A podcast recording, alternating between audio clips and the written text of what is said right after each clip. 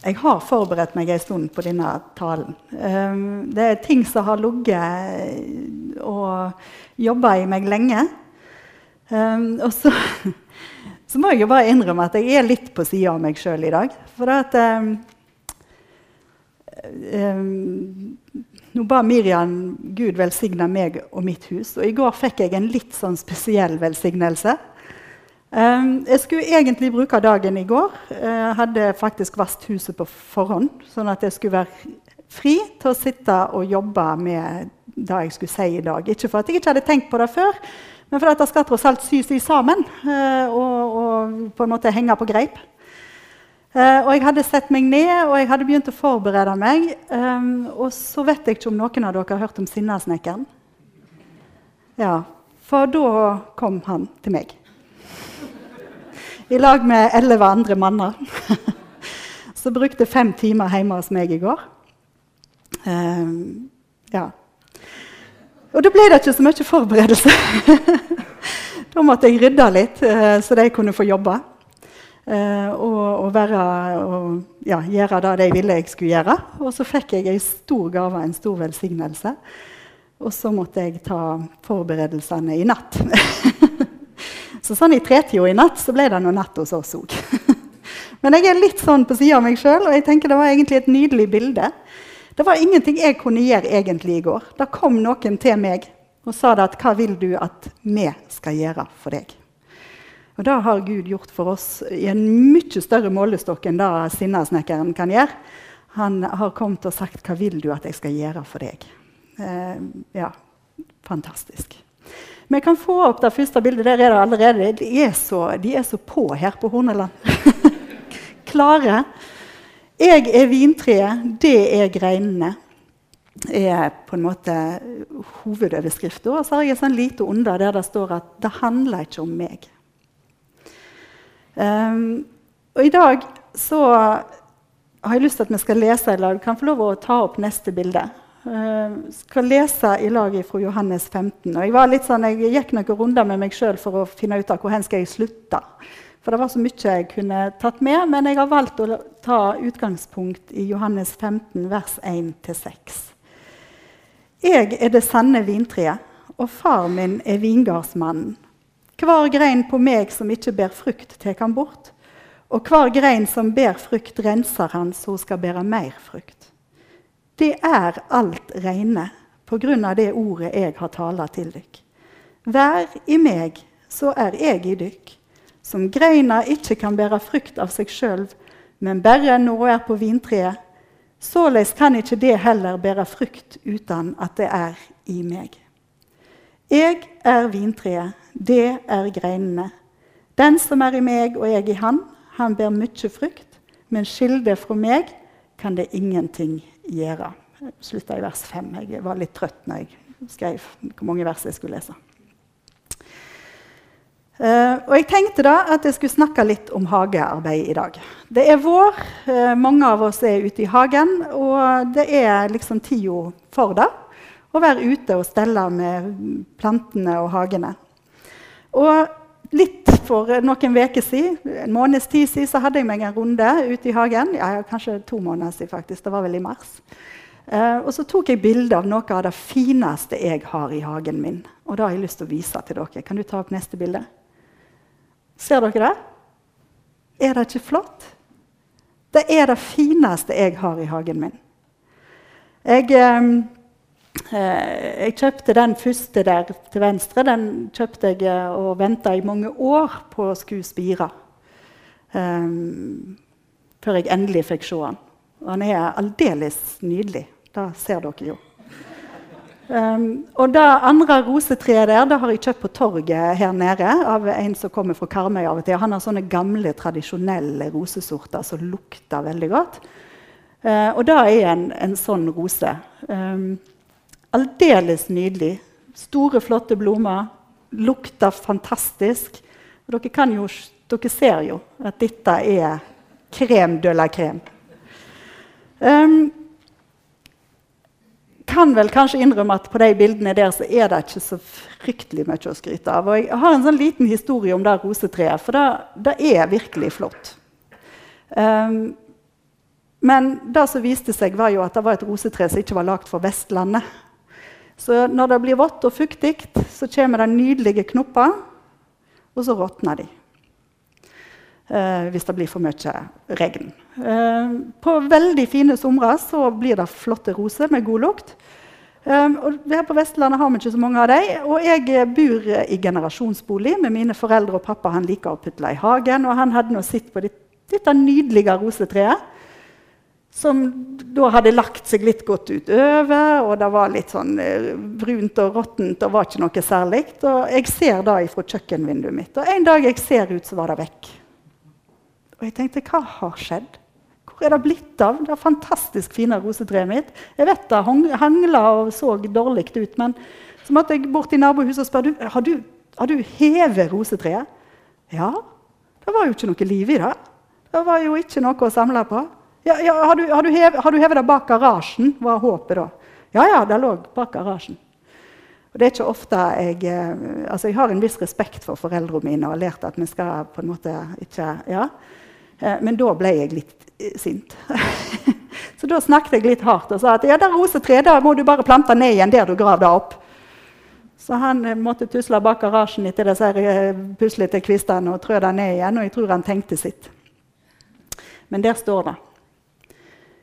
For jeg tror at hvis de får lov å stå der, og jeg steller det godt med dem, så kan det bli noe flott. Jesus han sammenligner seg sjøl med vintreet og Gud med vingårdsmannen med gartneren. Han som har omsorg for plantene sine, og som vil det beste. Han som ikke hiver de når det ser vissent og stygt ut, men som vet at hvis jeg bare har tålmodighet, og hvis jeg bare steller med det, så vil det vokse på nytt, og så vil det bære nye frukter. Og så er vi greinene, og vi er sett til å bære frukt. Og det står litt lenger ute i Johannes 15 i vers 16 at vi er valgt ut til å bære frukt som vare. Og så kan jeg lure på hva vil det si å bære frukt? Hvordan kan jeg bære frukt? Hva er det jeg må gjøre? For det er så lett å tenke at det handler om meg. Det handler om ting jeg skal gjøre. Det handler om mine prestasjoner, er det lett å tro. Og I dagens samfunn så lever vi i et samfunn med masse prestasjonspress. Det begynner allerede på barneskolen, videre på ungdomsskolen. Press om karakterer, om å passe inn, om å få nok likes, om å være god i idrett, om å høre til. Så fortsetter det når vi blir større, voksne, i arbeidslivet. Vi skal gjøre karriere. Vi skal eh, prestere på fritida, vi skal bidra på fritidsaktiviteter. Og vi blir målt etter hva vi har oppnådd.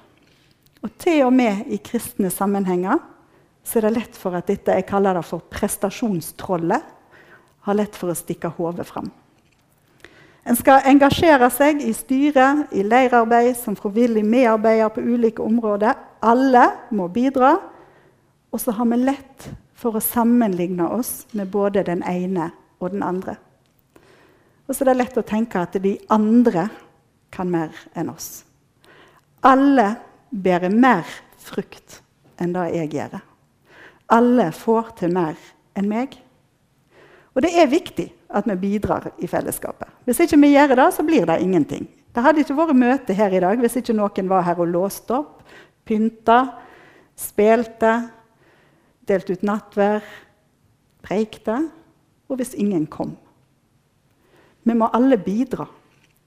Men i Guds rike så handler det ikke om hva meg.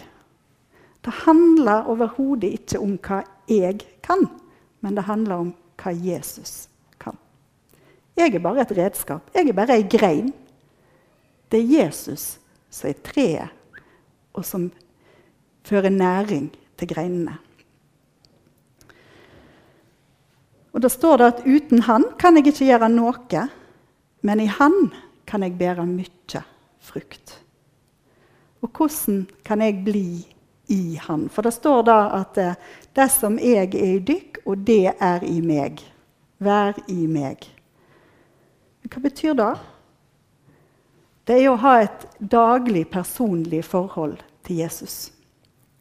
Et forhold kjennetegnet av tillit, av bønn og snakke med Gud på ulike måter.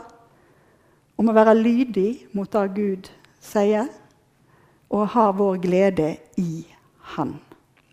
Et forhold der det jeg skal gjøre, er å legge til rette for at Han kan tale til meg og bo i meg. Det er det jeg skal gjøre. Det er min jobb. Og jeg har lyst, Vi skal lese fra Salme 1. Da kan du ta opp neste bilde. Salme 1, vers 1-3. Sel er den som ikke følger råd fra gudløse mennesker, og ikke slår inn på synderveg eller sitter i lag med spottere, men har si glede i Herrens lov og grunner på Hans lov dag og natt.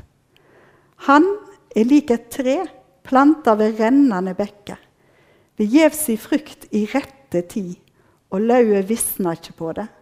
Alt det han gjør, skal lukkes. Å bruke tid med Jesus og grunne på hans lov, da er å være som et tre planta ved rennende bekker. Og så står det ikke her at det da treet alltid bærer frukt. Det står at det bærer frukt i rett tid. Vi skal ta til oss av det Gud har å si. Vi skal gå, søke fellesskap med andre kristne, og vi skal søke Guds ord. Og vi kan snakke med Gud enten vi er blant de som bruker mye tid i det som de før kalte for lønnkammeret, øh, og be, eller om vi er blant de som snakker med Gud med kjøkkenbenken. Men vi skal søke Han, sånn at vi kan bære frukt i rett tid. Og frukt, hva er nå da? Er det tegn og under? Er det synlige gaver som en har? Er det det alle kan se? I denne sammenhengen så er frukt snakk om det som er av evig verdi, og ikke det som vi kanskje ser på. Det er ikke nødvendigvis de store, synlige tingene som eh, vi har lett for å henge oss opp i, men det er det vi har med oss av Jesus, som kan vise andre hva han har gjort for oss. Og Treet da bærer faktisk ikke frukt for seg sjøl. Plommetreet i hagen min det bærer ikke den frukta for at det sjøl skal spise av det. Det bærer frukta for min del, for at jeg skal få noe.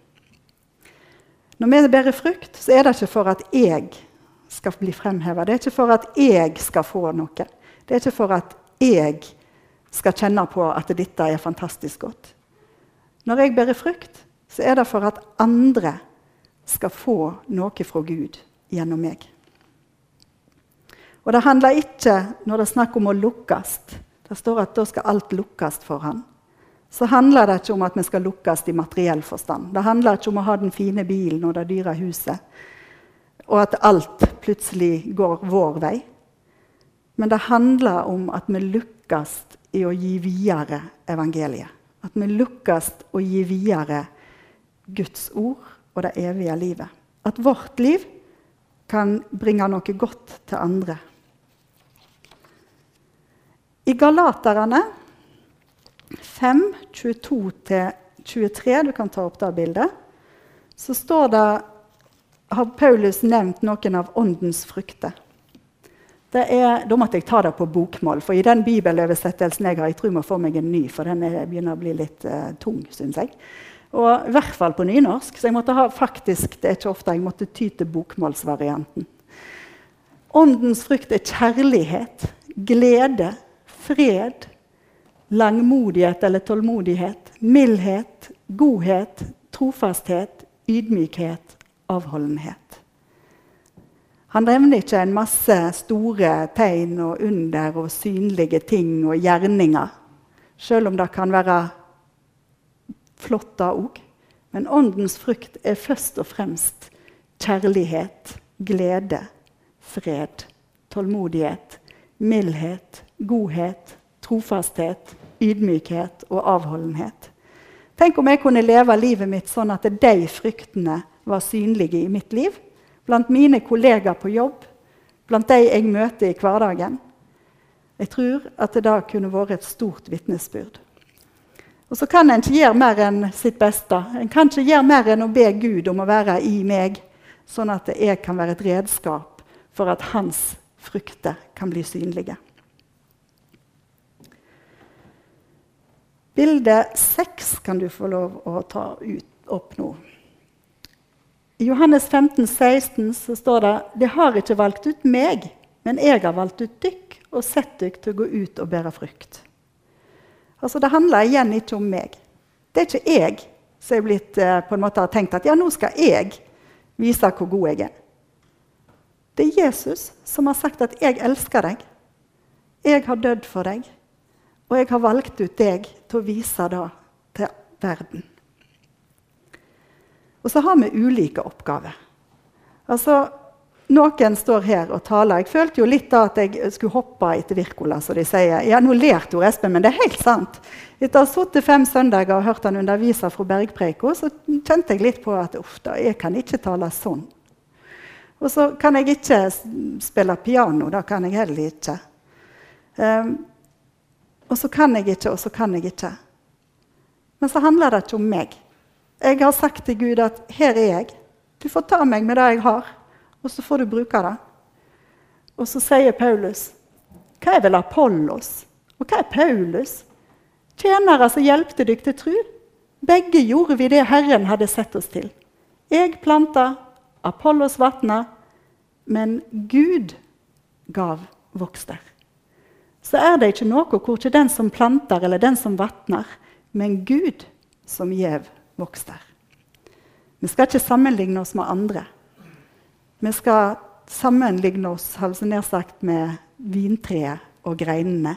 Vi er grein, og vi kan gjøre mye hvis vi stiller oss villige overfor Gud. For det er Gud som gir vekst. Og jeg syns det er absolutt helt fantastisk. For i det perspektivet så kan alle sammen tenke at vi kan bære frukt. Enten vi føler oss små og hjelpeløse, Litt sånn som plantene på bildet i begynnelsen her. Enten vi føler oss sånn, visne, tørre, døde. Eller vi føler oss som eh, frukttreet om høsten når det står stufullt av frukt og bare venter på at noen skal plukke. Jesus kan bruke oss uansett. Han er gartneren som rensker de greinene som bærer frukt. Og så vet han hva han skal gjøre for at de greinene som er visne og tørre, igjen kan bli grønne og levende og bære frukter. Legger vi vårt liv i hans hånd og lar han stelle oss og ta til oss av hvis vi skal bli i bildet, hans gjødsel, Guds ord, så vil vi vokse, og vi vil bære frukt. Og Det er lett å tenke at 'jeg er ikke god nok'. Jeg hører hva du sier, men jeg får det ikke til likevel. Jeg leser ikke nok i Bibelen. Jeg ber ikke nok. Jeg klarer ikke å gjøre det jeg burde. Og jeg har vært der. Men Gud ber ikke om perfeksjon. Gud ber bare om at vi er villige til å gi livet vårt til Han, og la Han ta seg av oss. Jeg kan ta opp neste bilde. Et av mine favorittvers. 2. Korinterbrev 4, 6-7. For Gud, som sa at lys skulle skine i mørket, han har latt det skine i våre hjerter, så kunnskapen om Guds herligdom, som stråler i Kristi åsyn, skal lyse fram. Men vi har denne skatten i leirkar, så den veldige krafta skal være av Gud og ikke av oss. Vi er ikke nødvendigvis store, flotte, perfekte kar. Jeg føler meg ofte som et sånt lite leirkar, og gjerne med litt sprekker. Men så har jeg ei tru, og jeg har bedt Jesus om å være i meg. Og så er han skatten i mitt leirkar. Han er skatten i mitt liv. Og så kan jeg få tro at det er hans lys skal få lyse ut gjennom disse sprekkene i dette leirkaret som er meg. Så om du føler at det er tørke i livet ditt, at du føler du ikke bærer frukt, så husk da. Du er et leirkar. Du er en kvist som Gud steller med, og som Gud kan bruke. Og så skal du huske på én ting til. Det fins ingen trær eller blomster som bærer frukt eller bløme alltid. Det er ei tid for vekst, og det er ei tid for å hvile. De visne vekstene som dere så i starten Snart så skal jeg ta inn sånne buketter, hvis du vil ta bilde. Sånn ser de snart ut. Og jeg skal love dere at de er helt fantastiske. Den mørke rosa jeg skulle ønske jeg kunne ha lukt. Den Piono lukta helt fantastisk. Og jeg venta i tre år, tror jeg, ifra jeg kjøpte knollen, til han endelig kom som en stor grønn plante med en knopp. Og da året hadde vi noen som malte huset til oss. Og de setter stegen oppå knoppen. Så han knakk. Så måtte jeg vente et helt år til før jeg fikk se den. Og da hadde jeg glemt at den lukta. Det kunne jeg ikke huske engang. Men med tålmodighet og med gjødsel og med omsorg så gikk han ifra å være disse visne kvistene til å bli den som står der. Og rosetreet som lå på søppelhaugen, gikk fra søppelhaugen til å komme med nydelige roser, som òg lukta helt fantastisk. Ingen kan bløme alltid. Ingen kan bære frukt alltid. Frukttreet som blømer om våren, og som står fullt av frukt om høsten. Om vinteren så er det dødt. Tørre kvister, bare greiner. Går gartneren og hogger det ned og sier at nei, nå er det ikke mer, ikke mer håp? Nei. Han steller det, han klipper det, og han gjør det klart til at det til våren igjen kan bløme, og så bære frukter. Jeg hadde en onkel som var gartner. Eh, han snakket ofte om en ting som jeg har tatt med meg videre. Når det kom til jul, så kan vi gå i butikken og så kan vi kjøpe asalia. Jeg er veldig glad i hvite asalia til jul. Og de er ofte fulle i knopper. Helt fantastisk flotte når du kjøper dem. Så tar du dem med deg hjem og du steller de etter alle kunstens regler. Du vatner, og du passer på, og du gjør alt du skal. Og det blømer, og det blømer, og så plutselig en dag, så poff, så er han død. Vet ikke hva som skjedde. Jeg gjorde jo alt rett. Da sa onkelen min at vet du hva? den blomen den var dreven så hardt. Når de skulle få den i produksjon og få den ut i butikken, så hadde de gjødsla den så hardt og drevet den så hardt at den blømte seg i hjel. Ingen kan bløme alltid. Vi må ha hvile innimellom. Ta til oss av Guds ord på nytt og høre hva Han har å si, og holde fast på det. Og så kan vi igjen få bære frukt på ulikt vis og bløme på ulikt vis. Jeg er vintreet, det er greinene. Så sier Jesus litt lenger ute i Johannes 15, vers 13-14. Ingen har større kjærleik enn den som gjev livet sitt for vennene sine. Det er vennene mine, så sant de gjør det jeg byr dykk.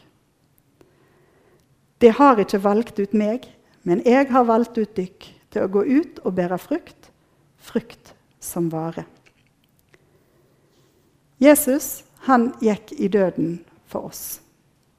Han ofra livet sitt for oss for at vi skulle få et evig liv.